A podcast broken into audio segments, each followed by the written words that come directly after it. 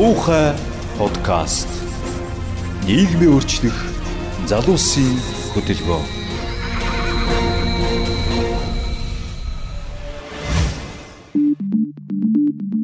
бацхан уу залуусаа Уухай подкаст Улаанбаатар хотоос мэдчилж байна. За Уухай подкастын маань хоёр дахь дугаар та бүхэндээ хүрэхэд бэлэн болоод байна. За өнөөдөр бид нар маш сонирхолтой зочдыг та бүхэнтэйгээ уулзуулахаар студидтэй авчирсан байгаа. Би ер нь ингээ студидтэй гэж хэлэхээгүй мөрөдөлтэй байсан шүү дээ. За өнөөдөр манай студид а Уухай хөдөлгөөний гишүүдийн нэг мөхтөл маань надтай хамт подкастыг хөтлөхөөр хүрэлцэн ирсэн байна. Сайн уу мөхтлөө? Сайн уу жаги. Аа. За мөн одоо бас манай ухаан хөдөлгөөний гишүүдийн нэг аа эрх зүйч мэрэгчлээ манай номин гэрэл бас ирсэн байна. Сайн байцгаана уу. Аа за тэгээд бас залуусын төлөөлөл болоод бодлого залуусын хяналт төрийн бас байгуулгын аа гишүүн амар заяа бас хүрэлцэн ирсэн байна. Сайн амраа. Сайн уу, сайн мэцгэн үү. За ингээд ийм дөрүлээ маш тийм тав тухтай байдалтайгаар студидтэй сууцгааж байна. За мэдээж хэрэг өнгөрсөн хугацаанд бол залуусын оролцооны сэдвэр бол бид нар бол хаа сайг үл ярилцж байгаа тий. Гэтэл бол сая бол Хонконгт болсон үйл явдал бол маш тийм том тодруугаар залуусын хүчийг харууллаа шүү дээ. Энэ талаар хэдүүл яриагаа эхлэе гэж бодож байна л та. Аа. Хонконгт болсон үйл явдлын талаар юу гэж бодож байна? Одоо нөгөө яг эрхчлөөгөө арчлаа алдаад ингээд амин одоо зүйл дээр тулаад ирэхлээр бас иргэд маань яаж нэгдэж тэмцэж бас үр дүнд харуулж болдгийг бас Хонконгийн харуулж байна те яг хоо би бас нөгөө сайхан нэж ирсэн гэт яг энэ арчил эрхчлөөгөө алдах гад байгаа дээрээ тулцсан биш юм шиг мөртлөө Монголд бас зарим одоо арчлалын зарим үнд зүйлүүдийг устгаж эхэлж байна. Иргэдийн манаас эрхчлөөг бас зарим талаас хомидж эхэлж байна. Аа ийм учраас нөгөө энэс урьдчил сэргийлгүүднээс бас нийгэмдэх залуусын оролцоо ямар чухал юм бэ? Ямар үр дүнд харгаж болд юм бэ? Бас ямар соёлтой яг хоо зарим талаараа янз бүрийн гемтрийг гарч иж боловч харьцангуй ингээд нөгөө залуучууд тэмцэл ингээд ийм том тэмцэл бас ямар соёлтой хийж болдгийг бас Хонконгийн залуучуудаас харуулж байгаа шиг байна гэж бодоод бас бас Монголд бас эрэгтэй зүйлүүд сургамжууд бас байгаа хаа гэж бодож байна. Аа. Энэ тал дээр ямар талтай байна? Хонконгийн тэмцлийг бас яг л эхнээс нь эхлээл ажиглаад юу н харж байгаа. Энд дотор ч гэсэн арчлын төлөө тэмцэгч нар демокраси камп гэдэг бас тэнд төрч хөдөлгөөнүүд бол намууд байгаа тийм нэгдээд тэнд дотор бас найзууд маань ч гэсэн байгаа тэмцэж байгаа. Тэгэхээр бас айгүйх сургамжийн төлөөгийн хэлтгэр те ямар одоо үр нөлөөтэй аргаар бас залуучуудыг татаж чадах үз хэлбэрээр улс төрийн чухал асуудлуудыг хөндөж чаддаг вэ? Бид нар ч одоо улс төр гэхээр нэг л уйтгартай иргэний оролцоо гэхээр нэг л гонигтай сэдвүүд дээ тийм. Монголд бол хүн сонирхдаг. Залуусын зүгтдаг сэдв. Тийм зүгтаадаг бөгөөд ста боринг сэдвүүд тийм. А гэхдээ тэнд бол бас яг нөгөө талаар хүмүүсийн итгэх оролцоонд бас а саяны хэлдэг нь urgency буюу ингээд яг тулцсан байгаа учраас бас илүү хөдөлгөөн гарч байгааг үгүйсэхгүй. Хонконгийн хувьд одоо энэ тэмцлийн бас нэг одоо би өөрийнхөө мэрэгчлээ хамаатай сонирхож харсан зүйл нь бол тэр хуульчдын чагсаа шүү дээ. 3 4 мянган хуульчид бүгдээрээ хар гэсэн юм уу гэсэн. Тэрийг бас манай хуульчд хийхийг зорьсон.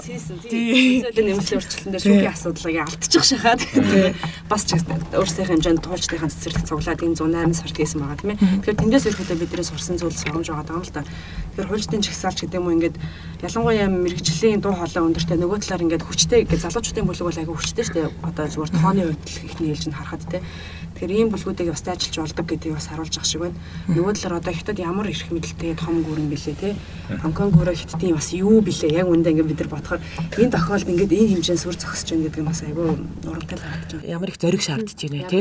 Аа. А манай залуучууд ийм зоригтой байж чадж байна юм сай. Миний хувьд бол Хонконгийг юу гэж харж байгаа гэхээр боловсролын чанар та холбож бас хараад байгаа л да. Ягаад тэгэхээр тэнд бол англи хэл дээр бүх хичээлээ үзэж байгаа боловсролын чанартай тэнд ардчлалын үндэслэлийн тухай магадгүй хичээлүүд орж байгаа тий Тийм учраас яг аминд тулсан үед тэр чанартай боловсрол юм нөгөө соёлтой боловсон аргаар жагсах, тэ үзэл бодлоо илэрхийлэх, олуулаа жагсахад бол нөлөөсөн баг гэж боддог байгаа. Тэгээд одоо англи хэлээр бүхэл их сурвалжуудын мэдээллийг олоод уншиж болж юм, тэ.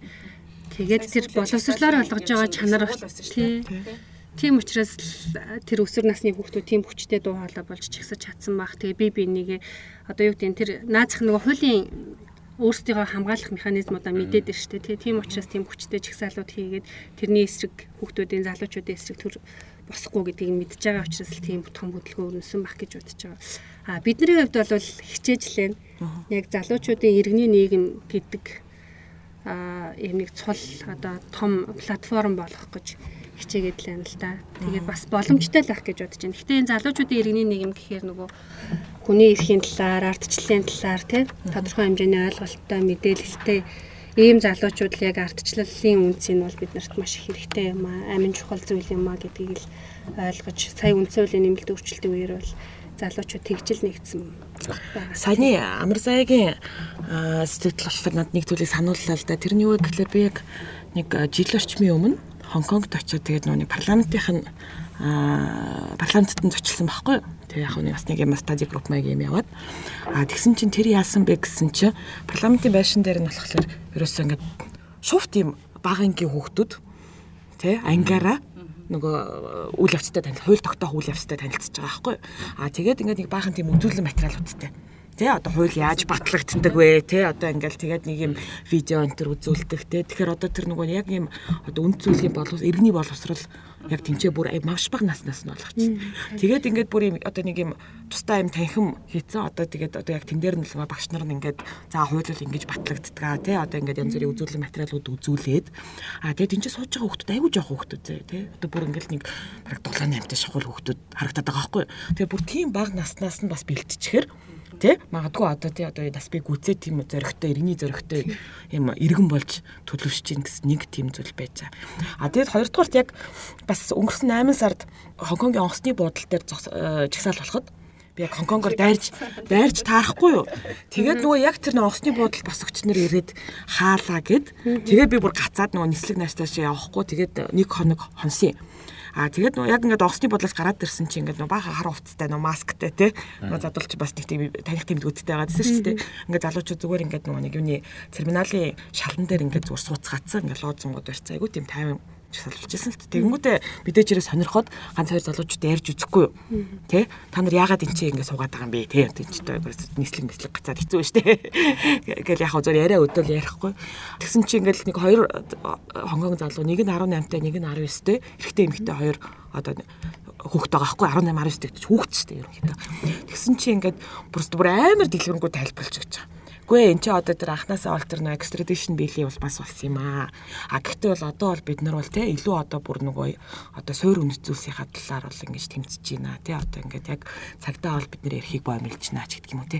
Тэгээ маш тийм одоо өөртөө илэрхийлэх чадвар өндөртэйгөр яг тэр үнэцүүлсийнх нь одоо бас одоо ойлголт өндөртэйгөр тэгж ярьж ирсэн. Тэгэхээр гих мэдчлэн бол яг тэр одоо иргэний боловсрал гэдэг тал дээр бол маш чухал юутай одоо суйртай байсан учраас бас тэгэж чадж байна тий. Тэгээс нөгөө бидач шийдвэр гаргах эрхийг багаас нь л хүүхдэд өгөөд байл гэж харж байна л да. Тэгэхээр соёлынх нь онцлог. Тий одоо манай хаар бол 14 5-тай 15 6-тай хүүхдүүд бол аав ээжээсээ асуухгүйгээр талбай дээр очиж гисэн гэдэг бол жоохон хэцүү шүү дээ тий. Тэгэхээр тэр залуучууд хүртлээ явсан асуудаг. Бараг тэгэхээр чин тэнд бол энэ нөгөө багаас нь бидач шийдвэр гаргах боломжийг өгөөд эрхийг өгөөд тий Тэгээ тэр нь ингээд нөгөө боловсрлоор баталгаажчихлаар айгүй зоригтой л байдаг юм байна л гэж тий. Тэр нөгөө Монгол Монголын асуудлыг ярихлаа ерөөсөө бүгдээрээ л явж явж нөгөө босрал дээр очиод бүгдээрээ гацаад байдаг. Ер нь ямар сэдв ярихлаа нэг талаасаа хэцүү юм шигтэй одоо бүх сэдв босрал баталгаа юм шиг тий. Уул нь айгүй амархан.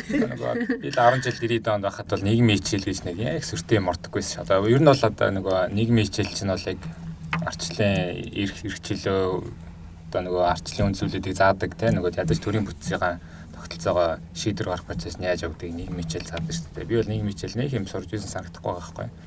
Тэгэхээр нөгөө босрал гэдэг нь нөгөө өөрийнхөө эрхээ мэднэ гэдэг чинь 10 жилийн босрлоос нь л ахуулаад заах шаардлагатай болох байх тийм. Тэгэхээр яг бид нар боловсрал гэдгийг бас хэтэрхий тийм нөгөө явцсан хүрээнд гэх юм академик хүрээнд бас ойлгоод иж болж байгаа тийм. Яг одоо ялангуяа иргэний боловсрал бол маш одоо олон үе шаттайгаар олон газраас олгогдож байгаа шүү дээ тийм ээ. Тийм. Сургуулаас гадна одоо тий одоо гэр бүлч гэх юм уу эсвэл иргэний нийгмийн байгууллагууд тий хэвлэл мэдээлэл тий энэ тал дээр ер нь одоо ямар бодолтой байдаг вэ?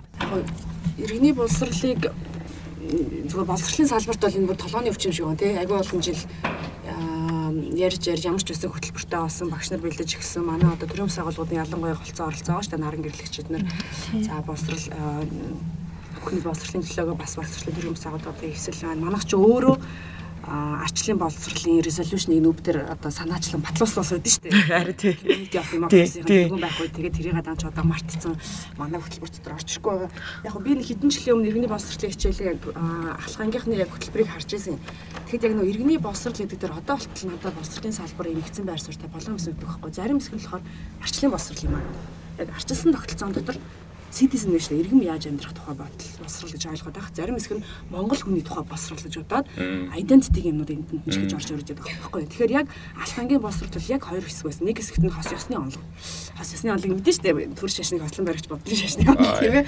Тэгээд буддын дөрвөн үнэн гих мэтийн ингээд агуулгууд тал хувь нь А тэгээд нүүдэлч авахтай холбоотой байх юмнууд а тал хувьд нь болохоор эрдэнэл болгочтой уралдын бүс үгүй мөгөө гэдэг ингээд холимог бантан шиг хөтөлбөр байсан байхгүй. Тэгэхээр бид нэр энийгээ нэг жоохон зэгцлээд хаана ямар шатнд нь identity те яг өндөө Монгол хүний онцлогоо хизээдэн заах юм. А ямар хэсэгт нь яг арчилсан тогтолцоон дотор те орон нутагт хөдөө амалчин байхаас үл хамааран бид нэр наад захын хөдөлмөрийн харилцааг ойлгох хэрэгтэй, нийгмийн даатгалыг ойлгох хэрэгтэй тий. Одоо нийгмийн даатгалын маргаан ч надад хадгаламж хадгаламж үсээд байгаа юм шиг сэтгэл төрүүлээд байгаа байхгүй сүүл үед хүмүүс даатгал гэдэг чинь хадгаламж биш шүү дээ. Банкнд хийн мэн гэдэг чинь хадгаламж яриад байгаа юм шиг санагдаад. Тэр гих мэтчлэн ингээд энэ зүйлүүдийг ялгаад яг ямар шатанд ямар багш орох вэ гэдгийг одоо бол надад нэг тодорхой олж өгөөс санагдаад байгаа. Тэгээ одоо яг шинэ сайд гарч ирсэнээс хойш нөгөө Монгол identity чиглэлийн школ бүр давмгаалаад иргэний боловсролын арчлын боловсролын хэсгээ бүр дарсан шинэ хөтөлбөр бичигдэж байгаа гэж би сонсож байгаа байхгүй. Энэ хоёр бол тийм заавал ингээд нөгөө юу гэдгийг би албагүй. Тий, тус тусдаа би дасан. Гэтэ одоо ингээд энийгээ алан болгож нөгөөт нь гарч ирээд байдаг байхгүй хөвчлэн. Миний одоо харсан сүүл үе. Тэгэхээр ингэхгүйгээр ингээд аль шатанд нь эсвэл тусдаа хичээл болгох юм уу эсвэл иргэний боловсролч өөрөө нэг тусдаа цаг биш шүү дээ. Математик дотор иргэний боловсрол түүх дотор иргэний боловсрал тий школ заагаад гэх шиг байгаа. Тэгэхээр яаж мейнстрим их өгöd нэг жинхнээсээ бодох шаардлагатай байсан гэдэг байгаа байхгүй юу. Гэтэ энэ энэ асуудал дээр за яг одоо активик боловсролыг бол зөвмөр өнөөдөр тэр хойшин тавиад тэгэхээр энэ бол бүр айгүй өргөн цар хүрээтэй сэдв тий. А гэхдээ бол яг хуу яг иргэний нийгмийн хувьд ч гэх юм яг залуус өөрсдийнхөө идэх оролцооныхоо төвшөнд бас бусдтай одоо ингээд юу гэдэг мэдлэг түгээгээд тий. Бас бусдыгаа боловсруулах байдлаар үлгэрлэх тийм боломжтой тий. Энд дээр бол одоо жишээлбэл цагаан сонголт гэдэг нэг зүйл явсан байна. Тий. Нодлоо одоо ерөнхийлөгчийн сонголт сонголт төр тий. Тий. Яг э, э, э, цагаан сонголтын үеэр бол юу анзаарчихсан бэ?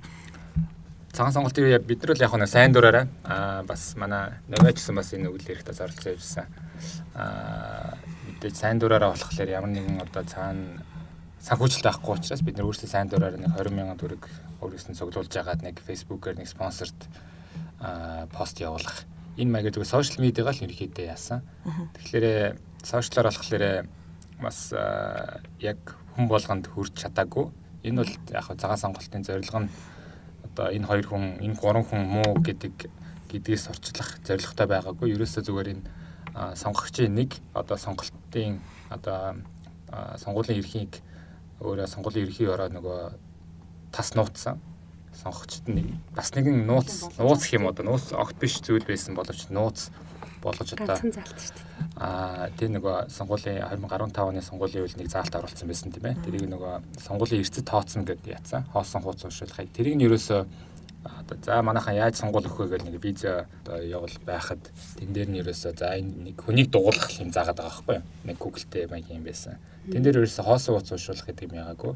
Ерөөсөө энийг бол тас зоригтойгоор л гэж хардмаар байгаа байхгүй тэгэхээр зүгээр энэ сонгуулийн эрхийг ийм бас нэг сонголт байдаг нь иргэд таниулахын төлөө одоо сонгуулийн боловсролын тийм сурчлагын ажлууд хийсэн. Тэрнээс биш яг энэ хүн муу энэ хүн бүгдээр муу гэдэг та гэдгийг сурчлахыг бол нэгдүгürt бол тавиагүй. Тэгээд харахад бол яг хуу богинохон 2 2-7 хоногийн хугацаанд бол сошиалар бол нэлээд сайн төгснөл гэхдээ орон нутагт бол нэлээд сайн хүрээгүй тал байх шиг байсан. Facebook-ийн нэг reach-ийг харахад бол тэ дахиад нэг 7 хоног байсан бол яг энэ иргэн бүр ямарчсан ийм бас сонголт байд юм гэдэг нь эрхийн өөрөө мэдэх байсан баг л та. Тэгээд голцоо бас яг гоо таамаглаж байгаа ерөөсөн сонгуулийн одоо эрдсэн дээр л харагдахгүй шүү дээ нөгөө тэдэн залуучдын тэдэн өв нь одоо сонгол өгсөн тэгээд тэдэн харагдана. Тэрнээс хинт санал өгснийг нь бол харагддаггүй шүү дээ. Тэгэхээр яг яг залуучуудад нь сангаа сонголт илүү хийсэн юм уу эсвэл илүү ахын насны хүмүүсүүд сангаа сонголт хийсэн яг мэдэх байх. Энэ ч угаасаа хувийн нууц учраас тийм ээ. Яг хөө зүгээр таамаглах нь бол сошиал медиагаар бүх юм хийсэн учраас залуучууд л илүү энэ мэдээлэл өрсөн баг. Тэгээд ийм нэр уламжлалт яг манай одоо сонгуул яаж явагддаг вэ гэхээр яг гол санал өгж байгаа хүмүүс маань болохоор жоох ахмиг насны ч гэдэг юм уу те. Тэгээ 35-аас дээш насны хүмүүс гол массыг бүрдүүлж байгаа учраас одоо нэр альва нэр дэвшигч яг тэдгээр хүмүүс рүү чиглэсэн байдлаар тий одоо мөрийн хөтөлбөрөч гэдэг юм уу сурталчилгаагаа ч гэдэг юм уу тий одоо боловсруулаад ингээд түгэж талтаа болж байгаа байхгүй. Гэтэл нөгөө нэг залуучуудад чиглэсэн мөрийн хөтөлбөр залуучуудад чиглэсэн одоо юу гэдгийг танилцуулга хийж байгаа нэр дэвшигч нар ховор. А магадгүй яг цагаан сонголт бол яг тэрийг нэр дэвшигч нарт сануулснараа тий одоо бас яг ингээд диалогийг арай өөр тал руу чиглүүлэх тий магадгүй дараа дараа чи нэр дэвшигч нарт за одоо энэ залуусын бас оролцоог тийм ээ эдний сонирхлыг эдний одоо хүсэл зоригийг бол бас тооцох хэрэгтэй юм биш үү гэдэг дээр бас тийм том дохио өгсөн байх гэж бас бодоод байна л да. А за тэгээд одоо бусдаар болохоор бас одоо хин бодлого залуусын янал байгууллагын хувьд болохоор бас сонгуульд ажиглагч нараар залуучуудаараа бас оролцож исэн туршлагатай юм байлээ тийм ээ. Яг энэ бол яг бүр бодит арчлалын процесст гар бие оролцоод тий одоо нэг хяналт тавьж байгаа бүр илүү тийм одоо юм оролцооны бол маш идэвхтэй хэлбэр шүү дээ тийм ээ. Яг гэхээр бид нар улс төрт оролцсон гэдгийг бол одоо жишээлбэл шууд юу юугүй нэг намд илсээч гэдэг юм уу тий одоо ингээл нэр дэвшээч гэдэг юм уу ямар нэгэн судал сандал горилоо тэмтэр явах гэдэг утгаараач биш. Яг энэ арчлалын бүх шатны одоо энэ процессуудыг тий одоо хамгаалч гэдэг юм уу тий хяналт тавьж ном журмынхаа дагуу явж гин үгүй юу гэдэг дээр оролцсон гэдэг чинь бас хамгийн чухал оролцоо байхгүй. Энэ тал дээр ер нь бас ямар зүйлүүд ажиглаж байна. Танах ч бол маш олон сонгуул дээр бол ажиглагч нар бэлтэж оролцуулж ирсэн тий. Тий 12 оноос эхлээд өөрчлөлтийн төлөөх эмгтээчүүд манайх хоёр шудраг сонгуулийн төлөө эвсэл гээд байгаа. Тэгээд эвсэлийн гишүүн байгууллага манай хоёр байгууллага тий. 12 онд бол би зүгээр ажиглагчаар оролцох гэж байгаад тэгээд ажиглагчаар оролцохын тулд ингээд нөгөө арфтын системээр хуваагаад 10 10 хүмүүсийг ингээд нэг хүн багийн ахлагч болоод ингээд хэсгийн хороодоо ахлаад явах хэвээр. Би бол анх яг тэгж баг баг ахалж орж исэн. Тэгэл яг нөгөө хоёр ээлж мэлжин дээр нь ингээл хоолын зөөгөөл ерөөсө тэнд хүмүүсээ ингээ бүтэн суугаад ажиглах боломжоор нь бүрэн хангаж байгаа байхгүй. Гэтэ өмнө нь бол бэлтгэл сургалт энэ төр хийдгэлдээ сонгуул яг ямар процессор явагддгийг та нар юуг нь илүү анхаарах хэвээр гурван чеклисттэй. Аа нь болохоор яг нөгөө сонгуулийн нээлт те. Аа тэгэн гутаа санал хураалтын үйл явц. Тэгээд нөгөө хаалт буюу санал тоолох, хяналтын тооллого гэдэг юм гурван үйл явцтай байдаг. Тэгэл яг хяналтын тооллого таарсан хэсгээр бол хонхоос аргагүй ч юм уу те заримдаа үүрээр хүмүүсээ гаргаж аваад бүх хүмүүсээ ирсний гэртээ харьсныхаа дараа одоо багууд хайрдагч гэдэг яг нэг зохион байгуулалтын баг хайрдагч гэдэг юм иймэрхүү нарийн юм явдаг. Тэгээ 200 хэсгийн 200 залууг 100 хэсгийн хооронд дэр 2 2-оор нь өглөө өдөр гэж ээлжлэх байдлаар ерөнхийдөө бэлддэг. Тэгээ 12 он 16 он а ерөнхийлөгчийн сонгуул дээр 17 оны ерөнхийлөгчийн сонгуул дээр ажиглалт хийсэн. Тэгээд ч нар бол сайн дураараа бол оролцсон шүү дээ тийм ээ энэ үйл ажиллагаанд.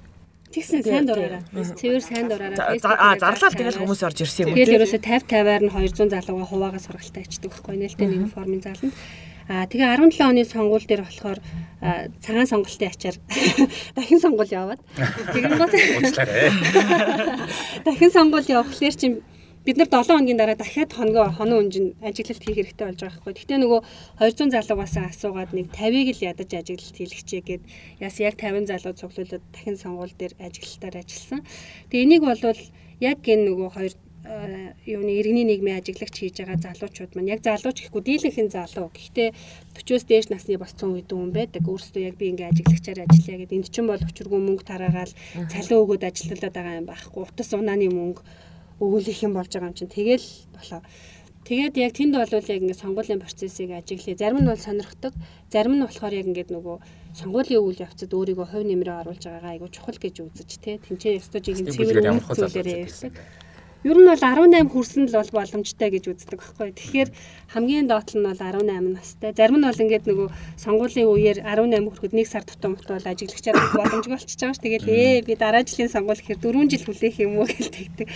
Тэгээ доотлол нь 18, тэгээ дээдл нь нэг за 45 маа бах. Шихийн утга сургуулийн багш чинь тийм 45. А гэтээ фэйсбүүкээр ажиглагч бүрдэж ийнгээ зар тавихад бол хүмүүс сонирхоод ирж ирсэн үү тий? Тий, эхлээд бол бид нар ерөнхийдөө өөрсдийнхөө сүлжээгээр одоо юу гэдэг би нэг 10 найздаа ингээд ингээд явж исэн. Одоо энэ жил болохоор одоо ахаа 20 оны сонгуулиар ажиглалт хийн штэ тий. Энэ жил бол манай байгууллагын зүгээс яах вэ гэхээр иргэний нийгмийн ажиглагчдыг алдаршуулад бүр ингээд олон таниулаад иргэний нийгмийн ажиглагч гэж хинбэ гэх тэгээд нөгөө 200 залуугаасаа ойрхон байдаг залуучуудынхаа дунд ингээ яриа мараа аваад тэ яа ажиглах үед ямар байсан юу нь гоё байсан юу сайхан байсан юу гэж бодсон гэд ингээд. Тэгэнгуутаа иргэний нийгмийн ажиглагчийн ач холбогдлыг аягүй сайн тайлбарлаад Тэгээд онлайн нөгөө Google form явуулангуудаа apply дуулаад ярилцлага хийгээд тэгээд юм тэнцсэн хүмүүсээ шалгаруулж авах гэж байгаа. Тийм төлөвлөгөөтэй байгаа. Гэтэ тэрийг бол 4 сар хүртэл бол ингээл ерөөсөө алдаршуулах те хүчрхийг сонгогч гэж хийн гэдэг нэг кампань явна. Давхар тэрнийхээ дотор иргэний нийгмийн ажиглагч гэж хин бэ? Хувь нэмэр нь юу юм бэ? Яагаад та иргэний нийгмийн ажиглагч байх ёстой вэ гэдэг ч юм уу. Иймэрхүү мэдээллүүд явуулъя гэж бодоод төлөвлөсөн одоо ерөнхийдөө ажил эхэлсэн байгаа. Тэгээ сая нөгөө ард нийтийн санал асуулга бас явж магадгүйсэн шүү дээ. Тэрэн дээр бид хэд ансааг ажиллаж үзэх үү гэдэг.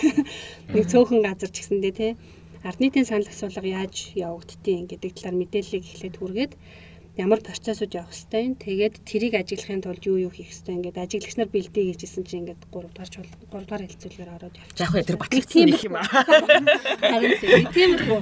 Тэгэхээр ер нь бол энэ процессд оролцсон хүмүүст бол нэг юм ямар нэгэн байдлаар нэг юм дотоод үнэт зүйл үнцэн төрчтгэл юм шиг байна. Тэгэл эргээд зар тавиал дуудаад юм уу бидний нэг юм группуд байгаа штэ 10 оны тэрэн дээрээ ингээл бичгээд залуучууд аягүй төвтэй ороод. Надад харин яг энэ аспект нь аягүй гоё сонирхолтой санагдаад байна. Яг гэхээр одоо ингээл залуучууд болохоор улс төр бохирч гэдэг юм уу те Австрийн нам муухай цүнх баригч нар ч гэдэг юм уу те ингээд аягүй тийм сөрөг имиж үүсээд байна штэ те. А гэтэл хүний одоо иргэний оролцоо бол одоо маш олон байдлаар оролцоогоо баталгаа баталгаажуулах боломжтой тий. Одоо жишээлбэл одоо чамд нам нь үнэхээр муухай харагдаад байгаа юм бол чи боли тий. Одоо энэ талд нь ажил. Тий одоо энэ сонгуулийнхаа тогтолцоо дээр одоо юу гэдэг ажил ажилтаа хий нэг одоо арчлынхаа одоо яг энэ нөгөө нэг чөлөө сонголтын тий энэ энэ дээр л ажилтаа гэсэн тийм байдлаар байвал илүү сонирхолтой санагдаад байгаа байхгүй. Тэгэхээр нийгмийн ажиглагч уучлаа. Иргэний нийгмийн ажиглагч байж байгаа газар нөгөө намууд чинь тохироо юм хийж таа очдаг. Тэгээд яг нөгөө стрийн компанид ажиллах нөгөө одоо цэвэр цэвэрхэн одоо сурчлагаа хийх цэвэрхэн одоо нөгөө компанид ажиллах хийх тал дээр бол яг иргэний нийгэм байх тусмаа илүү нөгөө хэцүү болно шүү. Тэгэхээр хяналтын тооллого мооллох чи өссөн үсэг өөр ингээл амар шударга явахаас өөр аргагүй болдог. Тэгээд зарим газар бол иргэний нийгмийн ажиглагч нарт дургүй байх тохиолдлууд бол бас байна. Тэгэл ялч оны сонгуул дээр хурлын сонгуул дээр миний санджаагаар бол төрийн саалгууд зөвхөн яг саналын хураах ажиллагаа биш компанид ажил дээр хүртэл мониторинг гэжсэн байхгүй сонгож авсан тойргууд дээр нэр дэвшигч нарыг нэр дэвшигч тий медиа мониторинг хийгээл тий. аа тэгсэн тэгсэн. Ер нь гих мэдчлэнгээр ингээд одоо бол энэ нөгөө иргэн нийгмийн байгууллагууд маань яг өөрсдөө ресурс өрөө сонгосон хэдэн тойрог дээр хотын хоёр хөдөө хоёр ч юм одоо энэ жишээлбэл 100 санал авах байран дээр гэтэл Монгол улс дээр хэдэн санал авах байр байгаа лээ тий. Тэгэхээр тойрог болгон дээр жишээлбэл өрнөх юм бол тойрог болгон дээр сонгуул шудраг болох нэг одоо юу гэдэг инпут оролцоо болоод хувирчиж байгаа байхгүй. Тэгэхээр гэдэг залуучдын оролцоо арчлын оролцоо эсвэл улс төрийн оролцоо хөр яг одоо жаргалан ясаар айгүй өргөн өрөнд байгаа юм л та. Намаар оролцох нэг боломжууд байна тийм. Иргэн нийгмийн олон талбарууд байна. За гурав дахь хэсэг нь баахан нөгөө charity based оролцсон байгаа. Өөрөөр хэлбэл хандив сайн дурын одоо үйл ажиллагаанууд тийм. Энэ зөвхөн улс төрийн сэдв биш. Гэхдээ нийгмийн сэдвүүдээр явж байгаа шүү дээ. Нийгмийн сэдвүүд нь бүгдөө л ардаа очиж одоо тодорхой байдлаар улс төрийн шийдвэр гаргах шийдвэр хийж байгаа сэдвүүд болоод тэнд хүмүүсийн хандивч гэдэг юм уу сайн дурын үйл ажиллагаа шаарддаг байгаа салбарууд байгаа байхгүй. Тэгэхээр ер нь бол ялангуяа Facebook цуурлсан оролцоонууд бол би боломжийн их ингээд яваад байна гэж боддог. А нөгөө талаар нэг одоо нэг козын төлөө петишн дээр гарын үсэг цуглуулах ч юм уу тийм нэг сүүлийн үед нэг ийм нэр томьёо гарч ирээд байгаа юм билээ. Slacktivism гэдэг. Slack чинь нөгөө залхуурах илүү тийм залхуурах өөрөөр лазан байхгүй тийм би орчуулах гэж бодож бодож яснаа лазан активизм гэдэг. Гоё яа нэртэй тийм лазан активизм гэдэг нь үндсэндээ юу хэлж ихэр энэ сошиал медиа суурилсан активизм юм байна л да. Хэрвээ активизм буюу залуучдын оролцоо зөвхөн гар утсан дотор үлдчих юм бол slacktivism болчиход байгаа. Лайк дараал За нэг петишн за тэрний дараагийн хэлбэр чинь одоо гомдол бичих штэ тий нөгөө change org моргор нэг гомдол ороод ирэхээр бид нар бүгдөө дэмжиж гин гээл сайн э, гар усгаа зураал явуулчихдаг. Тэгээд тгсгийгээл дуусчих. Тэгээд талбай дээр ч ихсэн ихлээр ирдэггүй. А тэгээд яг гарахгүй бол тэгээд slacktivism болчиход байгаа байхгүй яа. Гэтэл Хонконгийн хувьсгал одоо тэр явж байгаа тэмцэлч тэр одоо энэ залуучдын оролцооны янз янзын амжилттай хөтөлбөрүүд ихэвчлэн онлайн офлайн хоёулаа байгаа байхгүй. Өөрөөр хэлбэл мэдээллийг түгээх, хамт олныг бүрдүүлэх, хоорондоо нэгтгэхэд онлайн хэсгийг ашиглаад Тэгээд тэр цугларсан community бүтцийг гадналд гаргаад бодит ертөнцийн дээр үйлдэл хийж амжилт олж ийн гэдэг ийм ерөөхдөө трендүүд ажиглагдаад байгаа юм лээ. Магадгүй ихний нэгдүгээр үе шат нь бол тэр нь Slack-ээр байж болно шүү дээ. Тэ? Одоо юу гэдгийг онлайнаар Slack бол муу биш гэдэг байгаа байхгүй. Гэхдээ ямар ч үсэн тэндээ ингээд дуусаад дуусчих юм бол амжилтгүй байна гэж ерөөхдөө үзэх гээд байгаа юм байна л дээ. Ингээд гэхдээ яг а энэ сошиал медиа бол ямар ч байсан эхлэл мөн а тэгвэл ямар ч байсан ганцхан сошиал медиагаар бол бас найдалтгүйгээд ирээд юмнууд харагдаад байгаа юм лээ. Миний нэг таадаас аль бүгднгээс насаамаар байгаа зүйл ер нь 2016 оны сонгуулийн эрсцийг харахад бол яг 18-аас 25 насныхны 50.8% билээ дээ. 50 гаруйхан хувийн санал өгсөн байсан яг насны англиараа бүгдээрээ хөвшрөх тусмаа ингээд эрцэн дээшээ яваад 60-аас дээш болох нь бүр 90 гараа явцсан тий. Энэ бол ингээд өмнөх сонгуул дээр ч гэсэн бас ажиллаж болох зүйл бах. Яг сонгуулийн орооны мэдээлэл харахад яг өмнөх сонгуулиудын яг насны англиараа нь ерөөсөө мэдээлэл байхгүй лээ. Гэхдээ мэдээллийн ил тод байдлын юугаар бол авч болох байх л та. Аа за ерөөхдөө зүгээр ингээд залуучдын за сонгуулийн эрдсэн нь бол буураад бай гэдэг нь ажил хийх нь бол ажиглаад хийчихэд бол буруутахгүй бах. А зүгээр ягаад ингээд одоо залуу байх тусмаа ингээд сонгуулийн сонгуулаа өгдөггүй болцсон юм бэ. За 90-ад онд бол эрдсэн нэг баг 100% шахах 90-ад байсан те. Тэрнээс хойш ингээд буурсаар хагаад 12 онд чинь 67 жилийн 68 өглөө ороод 16 оны жоохон дээшлээд 2 3% дээшлийн 70% болцсон байсан. Иргэд бол сонгуулийн эрс бол буураад байгаа юм байна. Тэн дундаа бол энэ буураад байгаа шалтгаан гол шалтгаан нь бол энэ залуучд юм байна те. Агуудаа буюу агуудаа сонгуул өгж байгаа л хүмүүс ерөөсөө санал өгөх байгаа юм байна шүү дээ. Энэ дээр та хэдийн одоо юу дүнэлт гэх юм уу те ягаад сонгуул залуучд өгдөггүй юм бэ Монголд амар зайгас хэлэх үү за тийм ер нь бол залуучуудад юу гэж ойлгогдоод байна вэ гэхээр сонгуул бол улс төрийн нэг үйл ажиллагааны нэг хэлбэр юм аа. Яагаад гэвэл тэнд чинь өвхөн хатан саналын төлөө саналыг худалдаж авах гэж янз бүрийн оролдлогууд хийж штэ. Микрээр зөөдгөлгэн 50 мянгаар 100 мянгаар худалдтгэл гин тий одоо бүр увсад За гişүний нэр хэлэхгүй. Нэг банкнд очиод би нэг хадгаламжийн дэвтэр нээлгээ гэхээр шууд дансанд нь 50 мянган төгрөгтэй хадгаламжийн дэвтэр нээлгэж явах жишээтэй тий. Нэг иймэрхүү байгаад ахаар залуучууд юу гэж бодож чинь гэхээр айгу муухай сэтгэл төрүүд тий. Улс төр бабаа гэж бодоод байгаа байхгүй. Тэгээ сонгуулийг улс төрийн үйл ажиллагааны нэг хэсэг учраас тийм очих шаардлагагүй тэр бол муухай гэдэг ингээд бодцоод байна. Тэ нөгөө хин нэг нь бас худалдагдахыг хүсэхгүй байгаа мó гэж би бас хараад байгаа байхгүй. Нэг талаас нөгөө талаас болохоор улс төрийн боловсрал байхгүй. Төрөний ярьсан нөгөө бидний нөгөө боловсролын систем гэдээ ярьсан шүү дээ тий.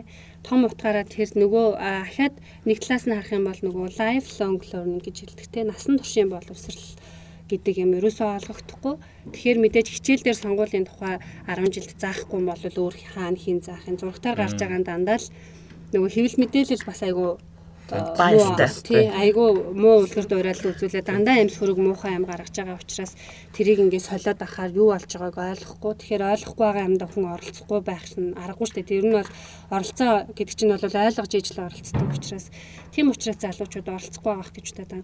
Би одоо иргэдийн оролцоо хоёр төслийн хүрээнд Чингэлтэй дүүргийн 6 хороон дээр ажиллаж байна л да. Яг ингээ хороо болгон дээр юм залуучуудын юм бүлэгч юм уу те сонирхлын бүлэгч юм уу зөвлөлч юм уу бүтэц байгуулчих юмсан гэдээ ер нь хичээгээд ажиллаж байгаа.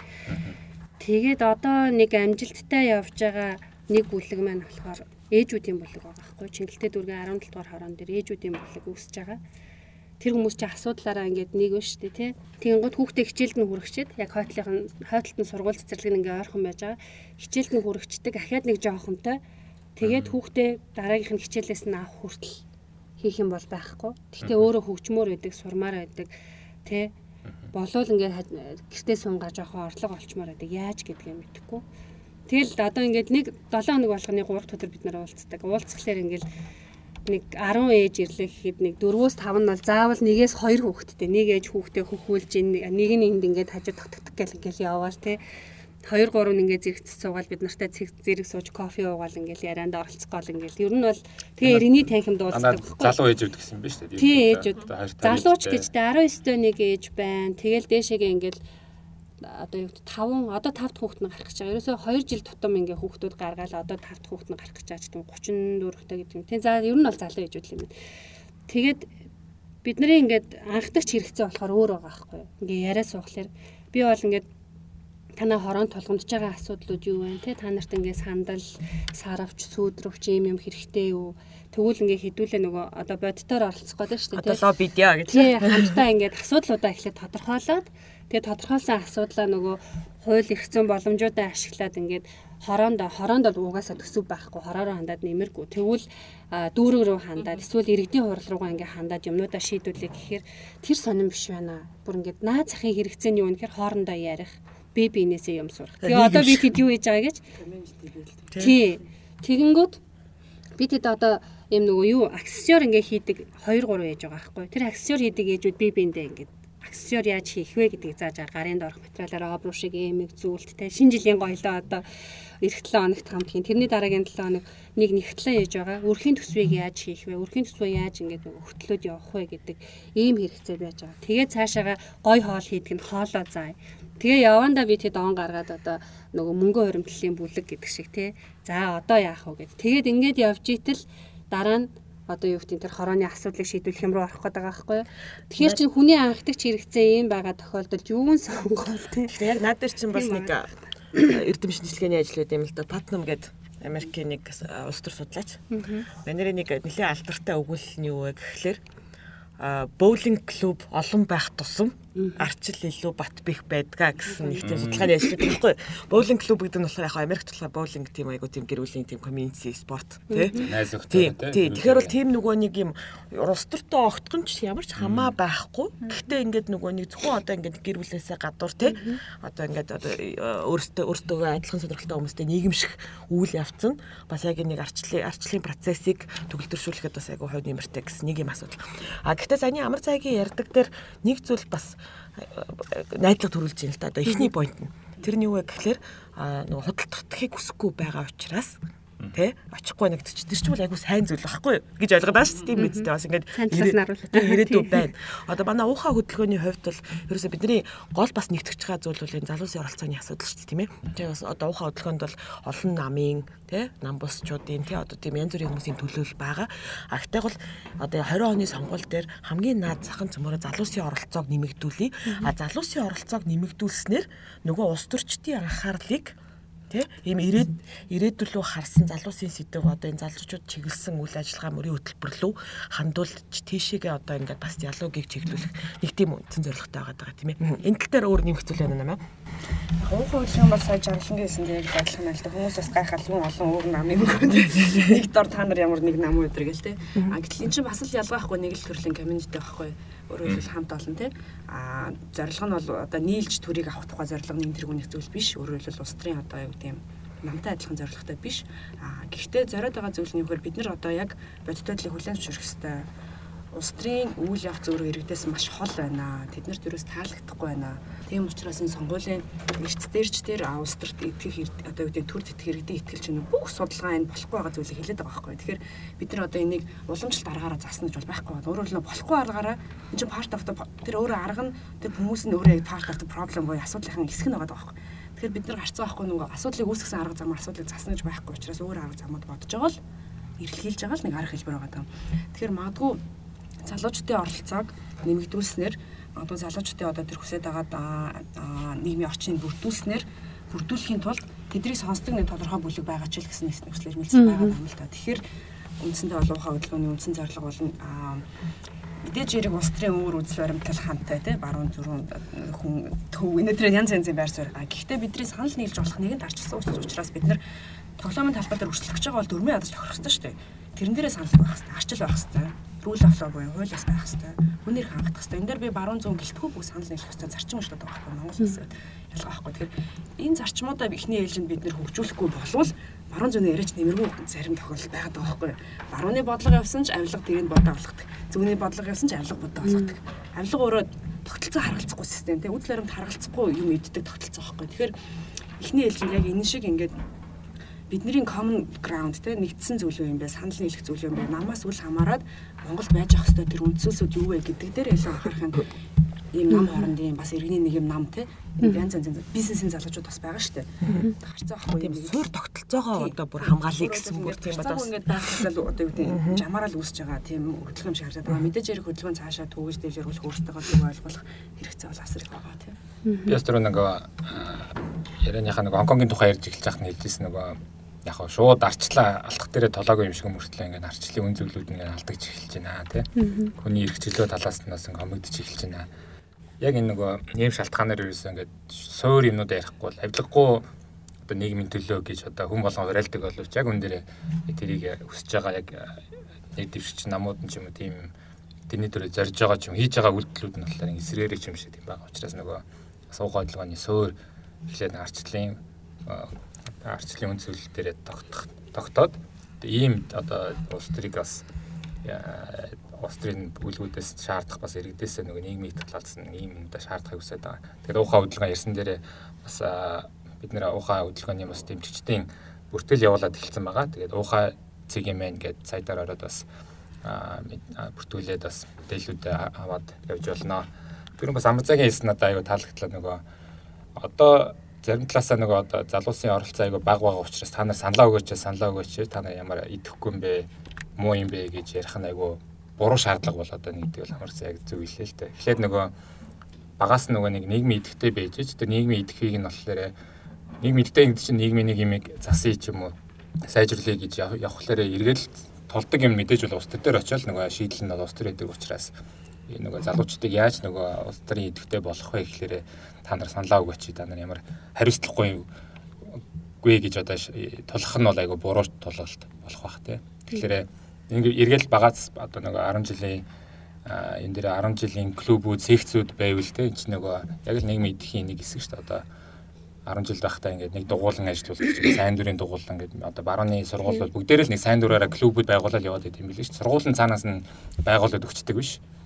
Өөрөөсөө одоо кино сонирхчдын клуб ч юм уу те эсвэл юу гэдэг урлаг бүжиг сонирхдаг сонирхчдын клубүүд ингээд өөрсдөө сайн дураар байгуулад тэгээ нэг ирсэн байхгүй бол ирэхгүй бол тэгээ нэг шүдэн тоон багсчул ингээд татан буугтаал дараа чи нэг идэвхтэй нэг ангийн хөвгт гарч ирэнгүүтээ дахиж сэргээгээл эн чинь нөгөө нийгмийн идэхийн нөгөө багаас нь өөрсдөөс нь нэг сэтэлжүүлээд өөрсдөө нөгөө нийгмийн нэг хэсэг гэдгийг ойлгуулад явхлаар энэ явандаа нөгөө улс төрийн яс бос босол болоод тэрэн цаашдаа ингээд бас сонгуулийн эрдэс нөлөөлөөд энэс магадгүй залуучуудыг чиглэсэн улс төрийн бодлого ярддаг юм өстрийн хүчнүүдийг бас төрүүлдэг байх нь бах л та. Энэ нас магадгүй Хонконг дээр бас ажиллаж байгаа бах те ингээд багаас нь залуучууд яасан. Солонгосын одоо нөгөө өмнөх хэрэглэгчийг буулгасан чинь бас л нөгөө залуучууд нь оюутнууд нь тэмцээр байгаа л тэр нь одоо улсын тэмцэл болол ингээд хувираад бас улс төрийн өөрчлөлт хийж чадсан бол залуучууд байгаа. Наад санааны хувьд болохоор бас сошиал медиа бол биднэрт айгүй олон боломжуудыг олгож штэ. Одоо жишээлбэл ээжүүдийн групп гээл бүр 9 шидээрээ байж чинь тий. Хоол хийдэг хүмүүсийн групп гээл тий. Одоо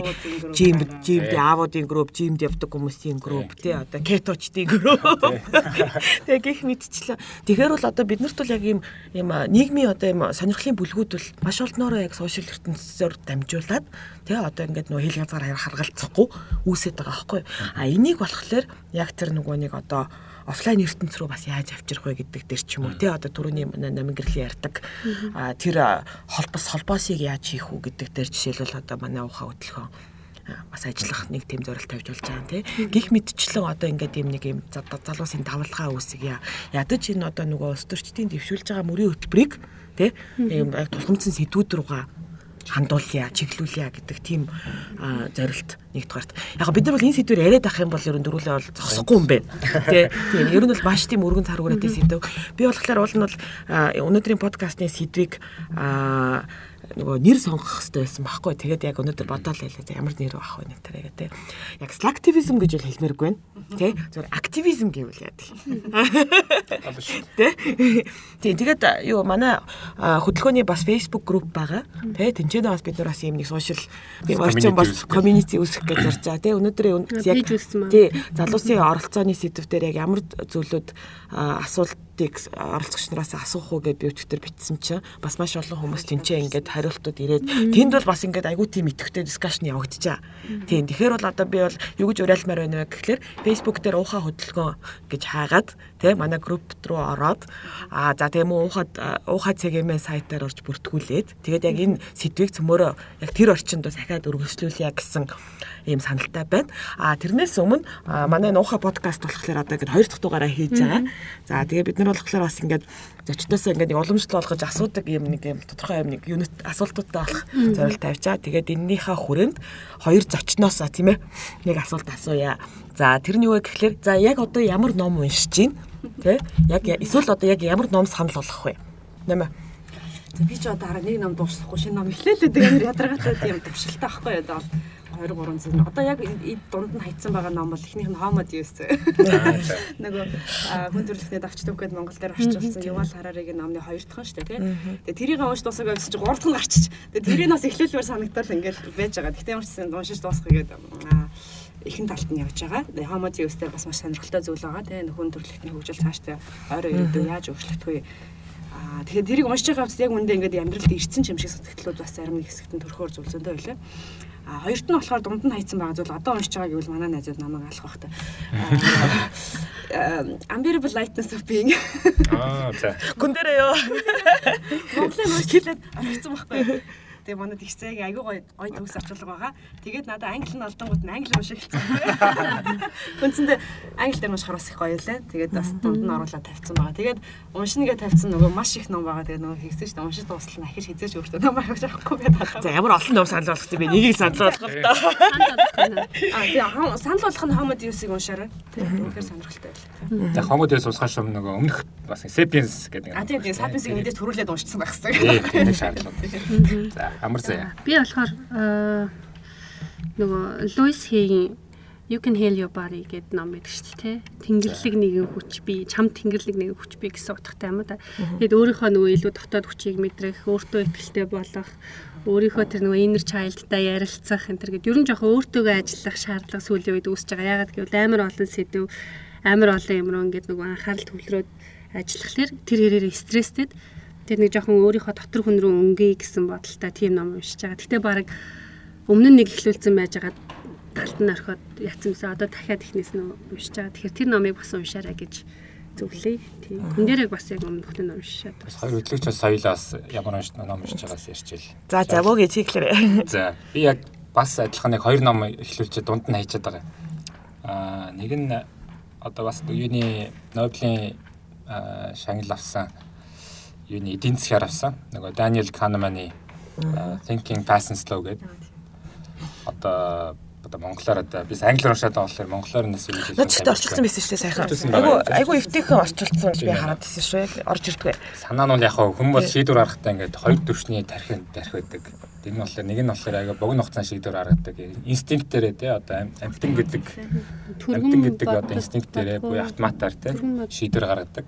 А нөгөөт нь болохоор бодож иж шийдвэр гаргадаг буюу нэлээд бодож иж одоо тэгэхээр энэ хоёр өөр төрлийн шийдвэр гаргах процесс байдаг тухай бас уншихлаар бас нэлээд академик болохоор дунд нь ярьж байгаа л унтаад өгчдөг болохоор ингэ дуусах чадахгүй л яваад байгаа. А нөгөөх нь болохоор Фрэнсис Фукуямагийн Identity гэдэг нэг номыг уншиж байгаа. Тэр нь яг юу дэлхийд ингээд нэлээд жоо арчлал хомигдаад байгаа юм шиг тийм процесс. За тэгээд яагаад одоо Трамп гарч ирсэн. Тэг яагаад одоо Англи Европын холбооноос гарах болсон. Яагаад Европын зарим орнууд болохоор ингээд арчлаас ухраад ингээд нэлээд фашист ч юм уу тийм чиглэл рүү барууны хэд барууны чиглэл рүү яваад байгаа талаар ингээд хүн хүний identity талаас нь ингээд суд э, нэлээд судалгаатай өөрийнхөө ажилтныг яасан тийм сонирхолтой ном энэ хоёр номыг уншиж байгаа. Тэгэхээр энэ хоёр номыг санал болгоё да. Жаргалан ямар ном уншиж байна? Би сая түрүүчийн талаагт Африк авчаад ирэхгүй юу? Тэгээд нэг малярия тусчаагүй. Колеро манай нэг хүн тусцсан байсан шүү. Тэгээд нөгөө яг нэг нэг тимүүдэнд орчоод Why Nations Fail гэдэг номыг 2012 онд гараад тухайн үед бас нэг хэсэг шуугуулаагүй. Тэгээ яг тэрийг Зарим Насимогло гэдэг. Тэнгүүтээ тэрийг онгоцон цай нэлээ нааш цаанаас хойш нэргүүллээ. А тэг гол санаа нь болохоор юу вэ гэхээр ерөнхийдөө бол тийм нэг институцийн хөгжлөхгүйгээр тийм ээ.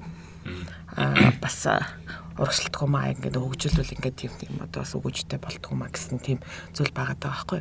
А тэгэд яг зүгээр одоо Африкт болсон зүйлийн талаар ярих нь бол бас тусдаа бүр том сэдв болох байх. Гэтэ бол ер нь бол бид нар юу гэдэг нийгмийн бас нэг арай нэг тийм өөр одоо юу гэдэг нэг аутсайдерын өнцгөөс бас харж яхах нь айгу чухал юм байна гэсэн тийм бодол төрөд байгаа байхгүй тий? Дотор нь байгаа л ахлаар нөгөө нэг мэдсэн чинь бүр уусцсан тий? Тэгээд яг тэр нөгөө нэг одоо юу гэдгийг нөгөө үнцүүлчин байна уу яаж ийн үү тий? Одоо энэ яг энэ процессыг яг зогсоор явж ийн үгүй юу гэдгээ бүр анзаархаа байчт юм байна дээ а тэгэхээр ингээд үе үе ингээд нэг гараад тэгээд нэг тийм одоо нэг нэг өндөрлөгөөс гэдэг юм уу тий? Одоо гаднаас нь харах хэвээр юм байна гэсэн тийм л дүгэлтэнд бас аяг хүрлээ.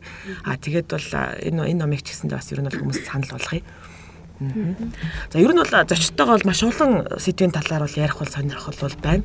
А тэгээ түрүүний хэлсэнчлэн яг энэ яриагаа онлайн өргөжлүүлье гэсэн байдлаар энэ удаагийн дугаараа дуусгая. За тэгээ бидний урилга хүлээж авч ууха подкастт оролцсон та хоёртай маш их баярлалаа. Тэгээ дараа дараачийн ажил үстэн амжилт хүсье.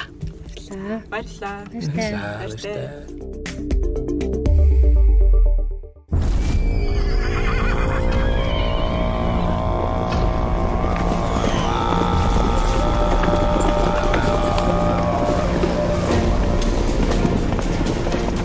Уухай подкаст. Нийгмийн өөрчлөх залуусын хөтөлбөр.